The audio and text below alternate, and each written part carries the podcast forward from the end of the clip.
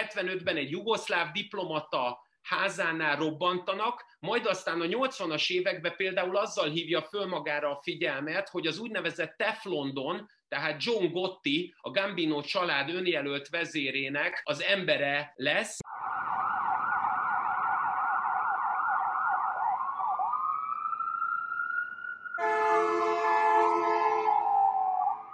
Sziasztok, ez a Tangó és Kes, Pezsanyi Tamás, illetve Böcskei Balázs, továbbá a 24.hu bűnügyi podcastja. Mielőtt ebbe bele is fognánk a mai alkalommal, amit 22 percet veszünk el az életetekből, mondjuk ezért mindig kevesebb itt, amennyit az emberek máshol parkolnak. Köszöntöm itt a Tamást is, aki eh, ezzel eléggé halatlanul gyenge poénomon megpróbál diszkréten udvariasságból nevetni. Kösz szépen, úgyhogy akkor így köszöntem. Megy, megy, nekem megy magától. Tamás, azt mond meg nekem, és akkor nyilvánosan vallunk, kicsit unom ezt az egész Netflix dolgot, és nem csak azért, mert általában is a rajongás természete viszonylag messze állt tőlem, mondjuk ez kit érdekel, hanem annál is inkább, hogy a állandóan kábítószeres tematikát találunk a crime alatt, én nem tudom, hogy az Escobarból hányféle verzió van, de mindenféleképpen, ami, ami eléggé gyakori, az az, hogy akár nemzetközi, akár az adott ország, készítő ország vagy az ügy szempontjából belföldi, vagy akár globális jelleggel, de újra és újra jönnek a kápszer dokumentumfilmek. Nyilván nem véletlenül kérdezem ezt tőled, mert a mai adásban is egy eléggé sajátos szemszögből piszkáljuk meg ezt a dolgot, de mielőtt itt a Netflix traumámat egy kicsit tovább folytatnám, de egyúttal úgy fordulok hozzá, mint akinek ezt kezelni is kell. Milyenek az oka, hogy ezek a, ezek a kápszer dokufilmek ennyire futnak? Mi mindig van ennek egy ilyen kábítószer, világa körüli himi-humi jellege, és akkor ez, ez, ez, ez most még mindig övezi ezt a fajta varást, ami a kábítószer körül van, vagy magának a nemzetközi esedésének jellege, hogy egy ilyen kockázati társadalomba illeszkedik a kábítószer kereskedelem is, és ez egy olyan szintű logisztikai tevékenységet kíván, ami életre hív ilyen dokumentumfilmeket. Nagyon nagy figurák vannak, akik olyan szereplők, akik más típusú bűnözést és bűnözői gondolkodást foganatosítanak meg. Szóval mi annak az oka, hogy, hogy olyan konjunktúrája van ezeknek a filmeknek, hogy hát itt a hagyományos sorozatgyilkosokról szóló dokumentumfilmek már kezdik rosszul érezni magukat. Én azt gondolom, hogy valójában ez egy folyamatosan és újra és újra felismert divat, nevezetesen azért, mert a, a szeszcsempészet és az egész alkoholtilalomra épülő amerikai filmgyártásból kijegecsesedő negatív és pozitív hősök, tehát az FBI ügynök és a Tommy géppisztolyos gangster mind a két irányban. A második világháború után szinte törvényszerűen belefut a kábítószerbe és az alkoholból a kábítószer bódulatba. Ez szerintem igazából nem egy újdonság, hanem inkább csak valaminek egy újbóli elmesélése, főleg annak tükrében egyébként, hogy az 1970-es évek elején, egészen konkrétan 71-ben szerencsénkre egy olyan film, mint a William Friedkinnek a francia kapcsolat nyerte meg a legjobb Oscar díjat, és azért az egy olyan Oscar díjas, több Oscar díjas film, ami akciófilm volt a maga korában, és ma is remélhetőleg annak tekinthető, tehát lényegében zsánerében semennyiben sem illeszkedne a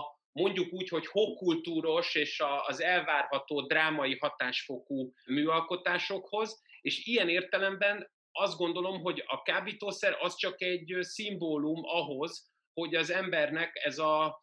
folyamatosan ilyen sziszifuszi küzdelmét be lehessen mutatni. Legyen már nekünk abban segítségünkre, hogy a francia kapcsolat című film annak hogy is jött be analógiának a kábítószer bevaló szükségszerű beleütközés kapcsán.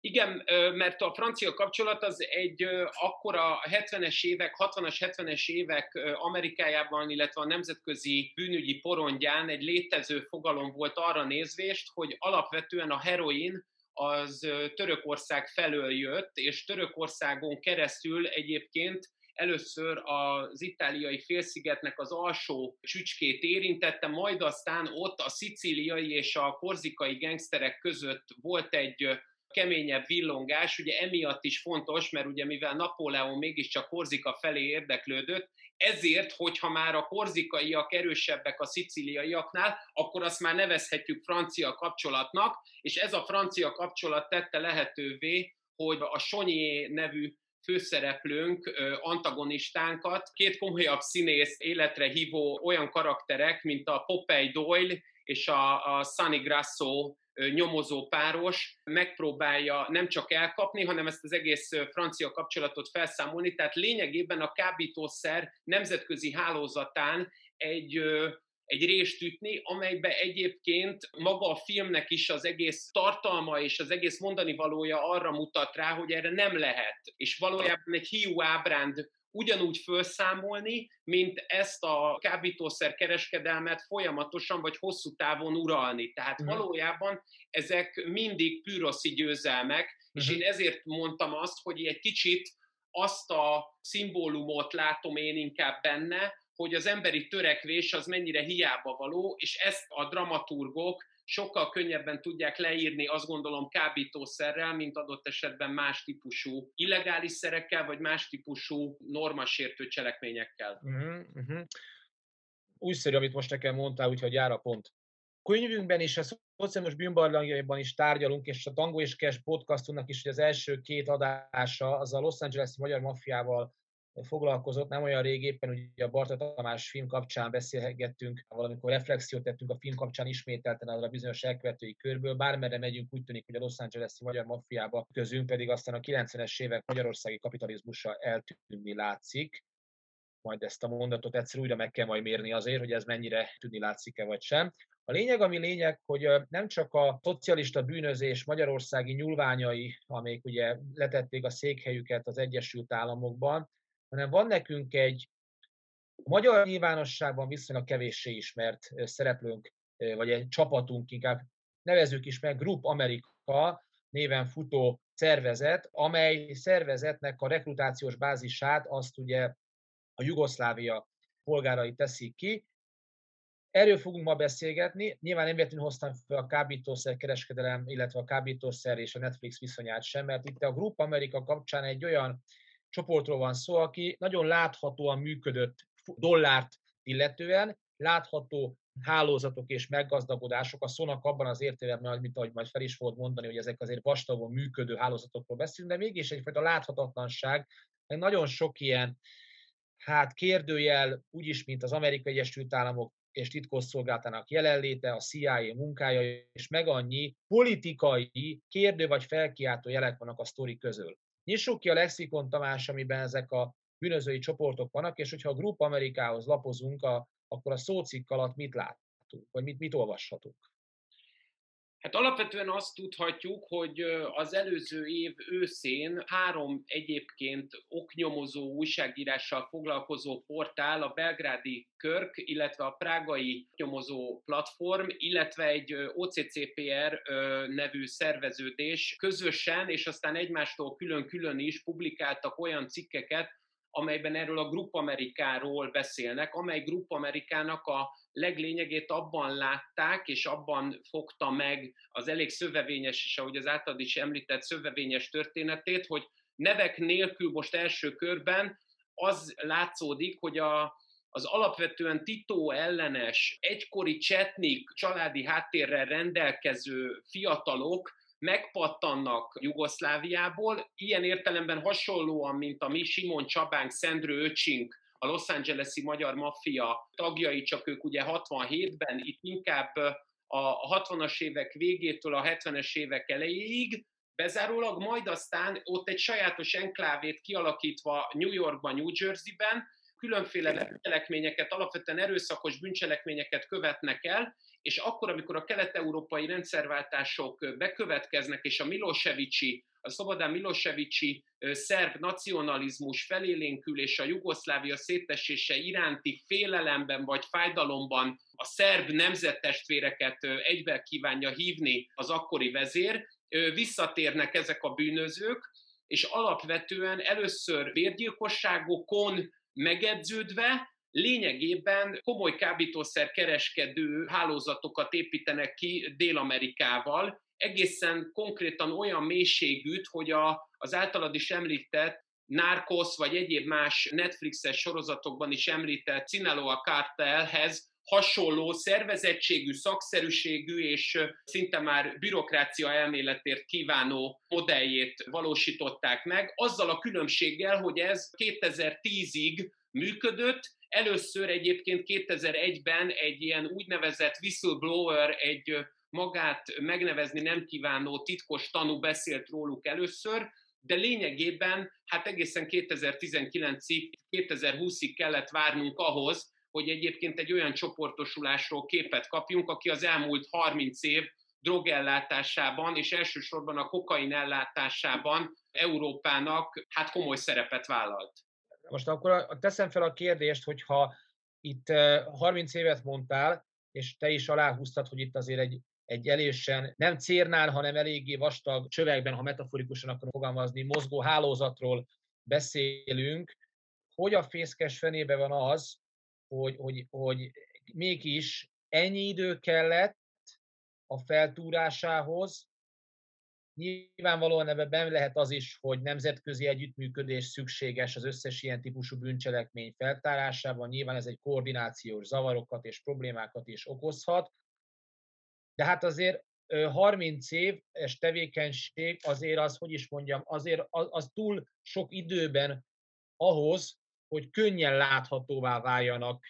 és, és láthatóságból fakadó hibákat is véten. Tehát miért van az, hogy 30 év kellett ennek a több kontinensen műk, átívelő együttműködésnek a lecsapásához. Itt Meg hát a titok, hogy hol, hogyan maradt ez rejtve ez az egész dolog ennyire. Az az igazság, hogy megemeled a lehetőséget előttem, hogy picit azért nem nemzetkarakterológiai mélységben, de mégiscsak a, a bennem rejtekező költőjén kijöjjön, mert hogy akkor, amikor én például Isztambulba tanultam, akkor nagyon sokszor ért az a helyzet, amikor én az ottani prostitúcióval próbáltam foglalkozni, hogy azt mondták nekem interjú alanyok, hogy igazából mi tesszük, csináljuk, de sosem beszélünk róla. És ez a, a homoszexualitástól a prostitúción át nagyon sokféle, úgymond hatásértő olyan tevékenységre igaz, ami akár elvezethet most minket minden nemiségtől függetlenül, akár ahhoz a, a világhoz is, amihez, amiben mi itt bele akarunk kanyarodni, hiszen itt lényegében nem szabad elfelejteni, hogy a 90-es évek elején megizmosodni kívánó új nemzetállamok jönnek létre, hiszen a Franyó Tudmanyi Horvátország az akkor éppen frissen még magáról nem is tudja, hogy akár a délszlávok Svájcaként működhet majd Szlovénia, olyan országok jönnek létre, amelyeknek a saját maguk megfinanszírozása az nem olyan magától értetődő, és nem véletlen, hogy egyébként a szervkereskedelem mellett én azt gondolom, hogy az egyébként az elején a, a fegyverkereskedelem mellett jól kifizetődő kábítószer kereskedelembe is belenyúltak ezek a csoportok, és az, hogy ők pedig természetesen a kérdésed második felére is válaszolva ébren és jól funkcionálva maradtak, az pedig annak köszönhető, hogy ők olyan működésmódot valósítottak meg, amit az amerikai-magyar maffiában nem feltétlenül ismerünk,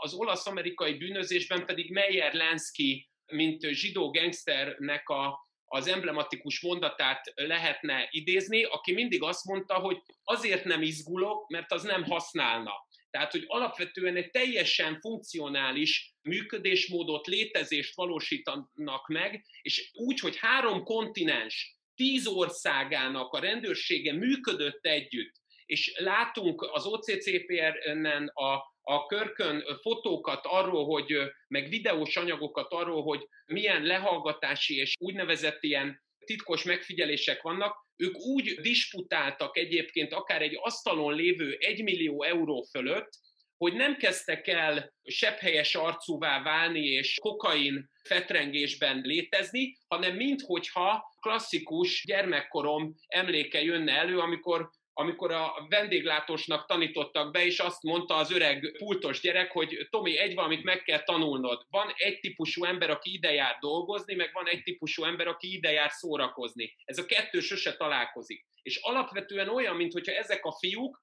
ezek még a, a régi iskola képviselői, a régi gárda kemény titányai lennének, akiket ö, ilyen típusú hév nem szorított el a kormányrúttól.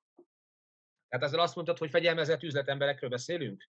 Alapvetően azt hiszem, hogy ezt a szót nem mertem alkalmazni mellettük, illetve velük kapcsolatban, és nyilván talán a, a bennem rejlő szótalálási nehézségeken túl, amivel tudok magyarázatot szolgálni erre, az az, hogy egyébként tényleg kőkemény gengszterek voltak, olyan értelemben, hogy nem szórakoztak azon, hogyha valakit ki kellett nyírni. Nem problématizálták ezt, ugyanakkor amennyire látszik, azon túl, amennyi szükséges haláleset elkerülhetetlenül az üzlet folyamatos biztosítását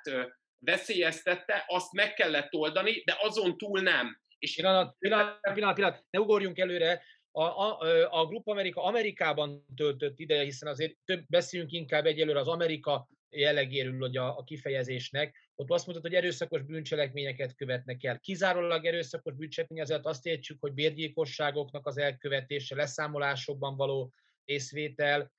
vagy pedig ezen túlmenően bekapcsolódnak már ott abban a kábítószerkereskedelemben, ami aztán később még erősebb globális jelleget ölt amennyire, amennyire látszik, akkor és abban a, az amerikai időszakban, tehát a késő hidegháború idején nem tudtak betölteni jelentősebb szerepet a keleti parton Amerikában a kábítószer kereskedelemben, sokkal inkább ezekben az általad is említett erőszakos leszámolásokban, mert magának a, a csapatnak a kvázi alapító atyát, Boskó, a Jugó, Radonics karaktere is egy olyan férfi, aki a titói Jugoszláviával nem megelégedve egyébként egy szerb futbalista segítségével tud először Grácsba, majd az ausztriai kitérő után Amerikába távozni, és ott például 75-ben egy jugoszláv diplomata házánál robbantanak, majd aztán a 80-as években például azzal hívja föl magára a figyelmet, hogy az úgynevezett Teflondon, tehát John Gotti, a Gambino család önjelölt vezérének az embere lesz, és például az, hogy Teflon Donná válik John Gotti, tehát minden vád lehullik róla, abban ez a szereplő is jelentős hozzáadott értéket képvisel, mert nagyon sok esküdtet fenyeget meg. De ahogy hallod is a hangomon, meg ahogy talán a hallgatók is értik, alapvetően az erőszakos úgynevezett enforcer, a feladat megoldás és a valamilyen erőszak kikényszerítésén van a hangsúly. A következő generáció, a bosnyák Mijanovic és a szerb társa azok, akik először már visszatérve majd aztán Jugoszláviába, de már ott Amerikában is az erőszakos bűncselekményekkel szemben inkább intellektuális hitelezési csalásokba buknak bele, és eleve ilyenekkel is foglalkoznak. Akkor azt mondod, hogy leginkább erőszakban utaznak. Milyen az amerikai hatóságnak a hozzá való viszonyuk. Ugyanakkor van egy másik, ami már nem tételkés, hanem a történetet tartozik hozzá. A, előbb a bevezetés részben, hogy a lexikoni jellegű meghatározásodnál azt mondtad, hogy valamiféle nevetve mondtad, vagy, vagy, vagy kedélyesebben, hogy a hazaszeretet hajtja össze ezeket a gangstereket, vagy pedig az amerikai titkosszolgálat küldi őket, hogy lehet hát bizonyos esetben indulni hazafele, hogyha már így nyíltak a határok, és újra lehet nemzetállamba gondolkodni, akkor két út van, az egyik egy, egy rácsos, a másik meg a hazaszeretet. Igen, ezt nyilván azért nem akartam el, és azért is ilyen költői a kérdés, mert nyilván nem akarnám azért elvenni annak az élét, hogy önmagában a kelet-európai rendszerváltások egy alapvetően emigráns jugoszláv közösségben amely például azzal hívta föl magára a figyelmet még egy évtizeddel korábban, hogy protest jelleggel robbantott például az akkori titói szocialista diplomaták házánál, hogy ilyen típusú érzelmi megfontolások, hogy most ez egy szabad ország, az ne játszott volna szerepet. Ugyanakkor az, a már korábban említett oknyomozó portálok is megerősítik azt, hogy olyan tudásuk van, legalábbis a belgrádi rendőrség forrásai alapján, hogy a CIA már a kezdet-kezdetén támogatta és igazából valamilyen mértékben már az elején szubvencionálta azt, hogy ők menjenek vissza, amiben én egyrészt feltételezek egy olyan vonalat is, hogy megpróbálták adott esetben profiltisztítani hogy nagy mennyiségben kábítószert, illetve erőszakos bűncselekményt azt milyen nációk milyen közegek, milyen etnikai csoportok, vagy akár bűnözői gengek uraljanak, illetve adott esetben nem elképzelhetetlen, hogy volt valami kabikáze akciója a CIA-nak, noha egyébként ezt az általunk megkérdezett szerb, illetve jugoszláv szakértők olyan értelemben kritikatárgyává tették, hogy azt mondták, hogy már 91-92-ben Amerika nagyon jelentős mértékben a szerbekkel szemben foglalt állást, tehát az, hogy ennek ellenére a CIA mint egy ellenállt volna az akkor éppen demokrata vezetésűvé váló amerikai elnöknek, ugye Bill Clinton-t, akit 92-ben megválasztanak, ő már maga az elején megválasztását követően mond olyanokat, hogy akár bombázná is a szerbeket, miközben a korábbi alelnök George Bush, aki egykori CIA igazgató volt és republikánus, lehet, hogy mint egyfajta ilyen kamikáze akcióként még a szerb nacionalizmus a saját maga csápjaival jobban támogatta volna. Tehát az, hogy ebbe mennyi az igazság a CIA és kapcsolatban, ezt nehéz megítélni utólag, az minden esetre sokat mondó, hogy 2016-ban is, amikor Manhattan belvárosában leég a, a szerb ortodoxia egyik ilyen jelképe a, a Szent Száva katedrális, akkor például az akkori külügyminiszter, korábbi miniszterelnök, az Mileta Mijanovicsot, az akkori Grupp Amerika első számú vezetőjét barátjaként üdvözli, sőt egyébként szinte örül is annak, hogy az egyik legnagyobb hozzájárulója annak, hogy újjáépülhet a katedrális. Tehát ilyen értelemben, minthogyha a maffia és az államhatalom kéz a kézben járna a 2010-es évek Szerbiájában. Hogy a, hogy a szereplőknek súlyt is adjunk, be tudnád azonosítani, hogy a Grup Amerika tárgyalt vezetőjét Magyarországon azt kinek feleltetnéd meg, kire már rá van bizonyítva arra mondjuk, hogy ki lehet a aki behelyettesíthető, csak hogy legyen még további zoomos Igen, felvételünk. Igen, tehát hogy például ugye ez a külügyminiszter, egykori miniszterelnök, ugye az, az, az ottani szerb szocialista párt vezére, az Ivic Dacic, az ilyen értelemben, mint egy hazai miniszterelnöknek a mi ö, ö, ö, nem mondj nevet, nem mondj nevet. Igen, az osztályfőnöknek is megvalósítható lenne, tehát hogy a mi miniszterelnökünk kategóriájában szereplő figuráról van szó, aki olyan, mintha a, talán a, a, a mi hallgatóinknak nem ismeretlen a név, Szemjon Mogujevics, vagy valami olyan nagyobb volumenű személlyel parolázna, akinek nemzetközi kapcsolatai is vannak, hiszen itt a lényeg az nem önmagában az, hogy a Miljanic az egyébként bosnyák származású, hanem az a fontos, hogy ő New Yorkban él a saját nevén, ott egyébként ugyanúgy, ahogy Szemjon Mogujevicsnek a Bencúr utcában volt villája, neki ugyanúgy Manhattanben volt egy elegáns lakása, ugyanúgy a saját nevén élt és létezett, miközben egyébként évtizedek óta különböző rendőrhatóságok erős gyanúval éltek, hogy nem feltétlenül az út törvényes oldalán mozog. Visszamegyünk még arra a mondatodra, ami egy lehet, hogy inkább megpiszkálok valamit. Mit szólsz, hogyha az az állításom, hogy az tőlünk délre az új államok, a nemzetállamoknak a, hogy is mondjam, a költségvetési helyzetét az jelentős mértékben segítette maga a kábítószerkereskedelem. Ezzel nem azt mondom, hogy a nemzetállamok a kábítószerkereskedelemre épültek, de mint hogyha lett volna egy olyan félmondatod, hogy ott azért az új szerb állam tudomásával zajlanak ezek a tevékenységek, de hát mindenkinek nem csak fegyverkereskedelemből van szükség bevételekre az államnak, hanem más úton, módon, tehát egy ponton túl mindenkinek megéri az egyiknek a, a végrehajtása, másik, vagy éppen a működtetés, a másiknak pedig a el, el, elnézés a hálózatok fölött. Én azt gondolom, hogy az sokat számít, hogy mellettünk azért egy háború volt, és ebben a háború sújtotta időszakban és területen a, a kábítószer kereskedelem az, hogy az egyébként az már korábban a, a, a beszélgetésünk elején említett francia kapcsolathoz hasonlóan a közel-keletről jövő irányszal, ilyen ex lux alapon, tényleg keletről jön a fény alapon, abba a csatornába be lehetett hámozni egy olyan kokain bázist is a heroin mellett, ami hogyha egyébként az Adriai tenger partján ér partot, akkor azt ugyanúgy Nyugat-Európába gond nélkül lehet szállítani, miközben nálunk Magyarországon azt gondolom, hogy nem véletlen, hogy a mi számunkra, a mi kokainunk, az, az a, a fekete arany volt az olaj, és ö, ilyen értelemben azt gondolom, hogy a, azt lehet mondani, hogy ahogy mondjuk a, az albán és az új koszovói államvezetésnek is meg kellett küzdenie azzal, hogy miniszter tagjai esetleg nem vettek -e részt szervkereskedelembe, úgy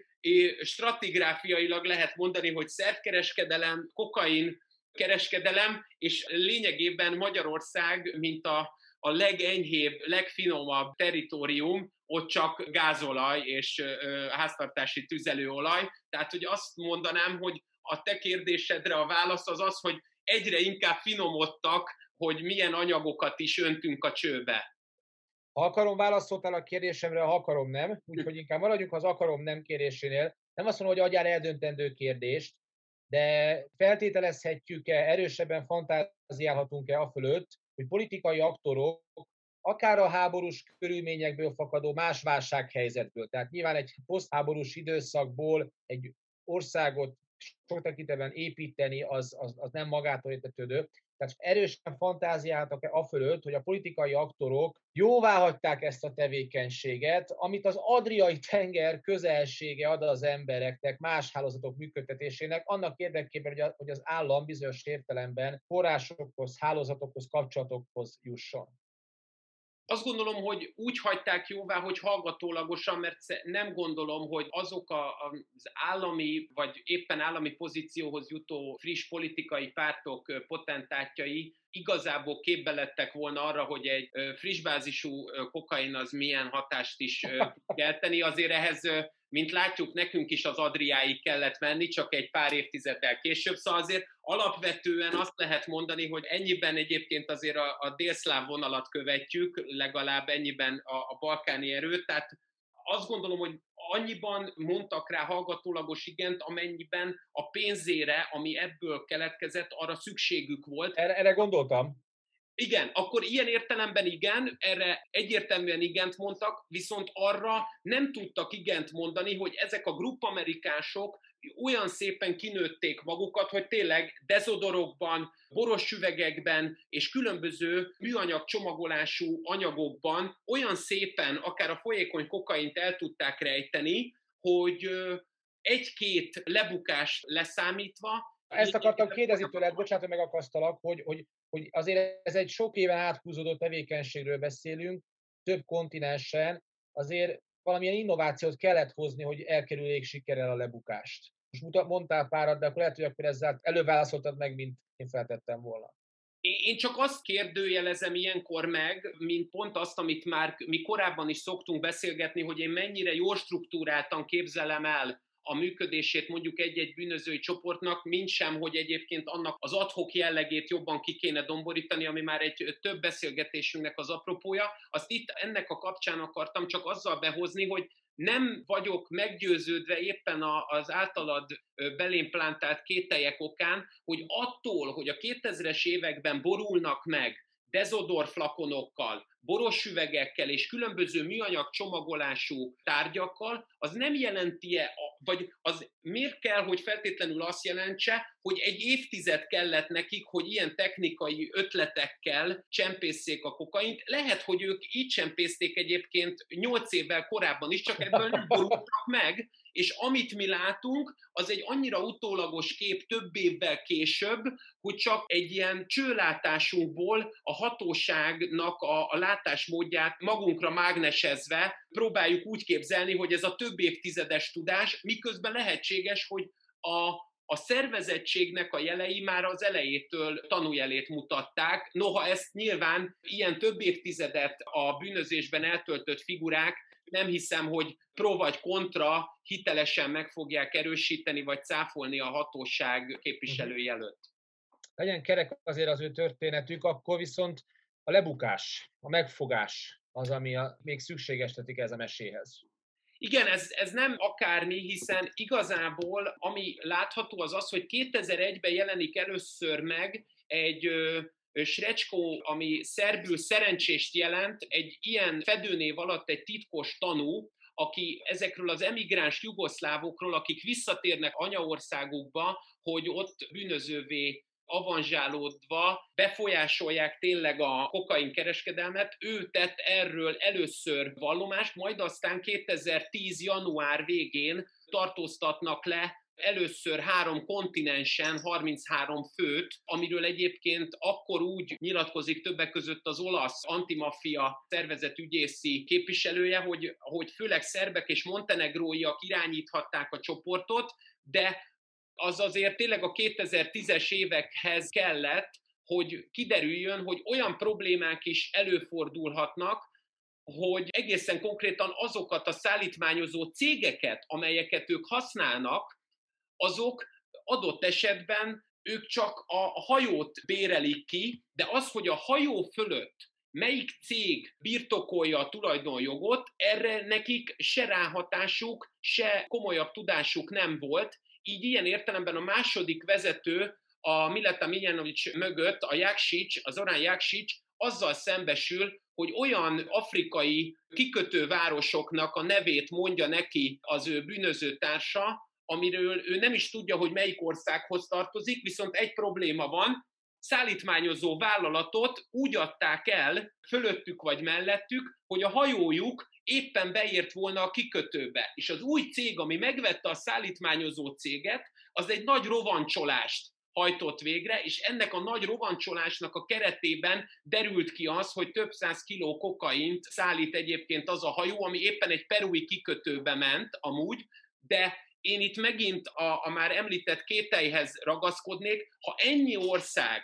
bűnügyi együttműködése szükségeltetett, akkor én azt gondolom, hogy őket már sokkal régebb óta figyelték, és ez egyébként egy ilyen nyilvános leleplezés, hogy ennek a cégnek a, az adásvétele miatt, a hivatalos átadás átvétel miatt lebuktak a, az adott teherszállítmányjal, ez egy jól hangzó duma, de ahogy az öregek szokták mondani, innen már megjöttünk. Szóval, hogy ezt a dumát már ismerjük, én azt gondolom, hogy inkább fogták őket már korábban adott esetben akár több éven keresztül, hiszen azért az nagyon jól látszik, hogy egy ilyen jól szervezett csapatnak a figyeléséhez, és itt kapcsolódnék vissza a francia kapcsolathoz, nem véletlen, hogy olyan rendőri tudás kell, amit először én azt gondolom, hogy amerikai filmben a hallgatóságunk a francia kapcsolatban ismerhetett meg, tehát hogy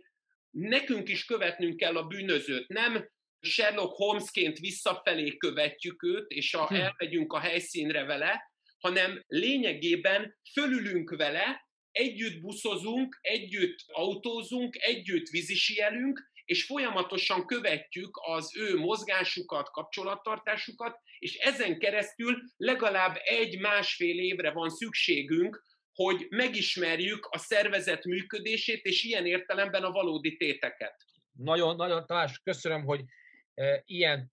egyrészt befejeztél egy, egy sztorit, a Grup Amerikáról beszélgetünk, és megnyitottad a következő podcast témát is. Ugye elmondhatjuk a nézők és hallgatók kedvéért, hogy a következő podcastunkban egy házaspár, többek között egy házaspár korán sem kalandos, mert ugye büntetős eljárásban, mondjuk abban azért, hogy kalandos, büntetőjárásban fulladó tevékenységében pont azt fogjuk felsejteni, ezek a nemzetközi együttműködések, a titkos nyomozás kérdése, meg a titkos információ problematikája, mennyi időbe telik, mikor csaphatunk le, mikor léphetünk be az akcióba, azt mi a prostitúció, emberkereskedelem, kerítés, nem véletlenül, hogy ezt a három fogalmat is külön használtam, problematikája kapcsán fogjuk elbeszélni a következő podcastba, várunk benneteket. Akkor tudunk jönni, hogyha egyrésztről hallgatók bennünket tovább és ezzel az elkötelezéssel, ezt mi nem tudjuk elégszer Tamással megköszönni, másrészt meg, hogy esetleg a Patreon oldalba is, a felfuttatásában is, tehát támogatásunkban segítetek nekünk, mert látjátok, hogy nyomjuk az infót, kap, kaparjuk az anyagokat, úgyhogy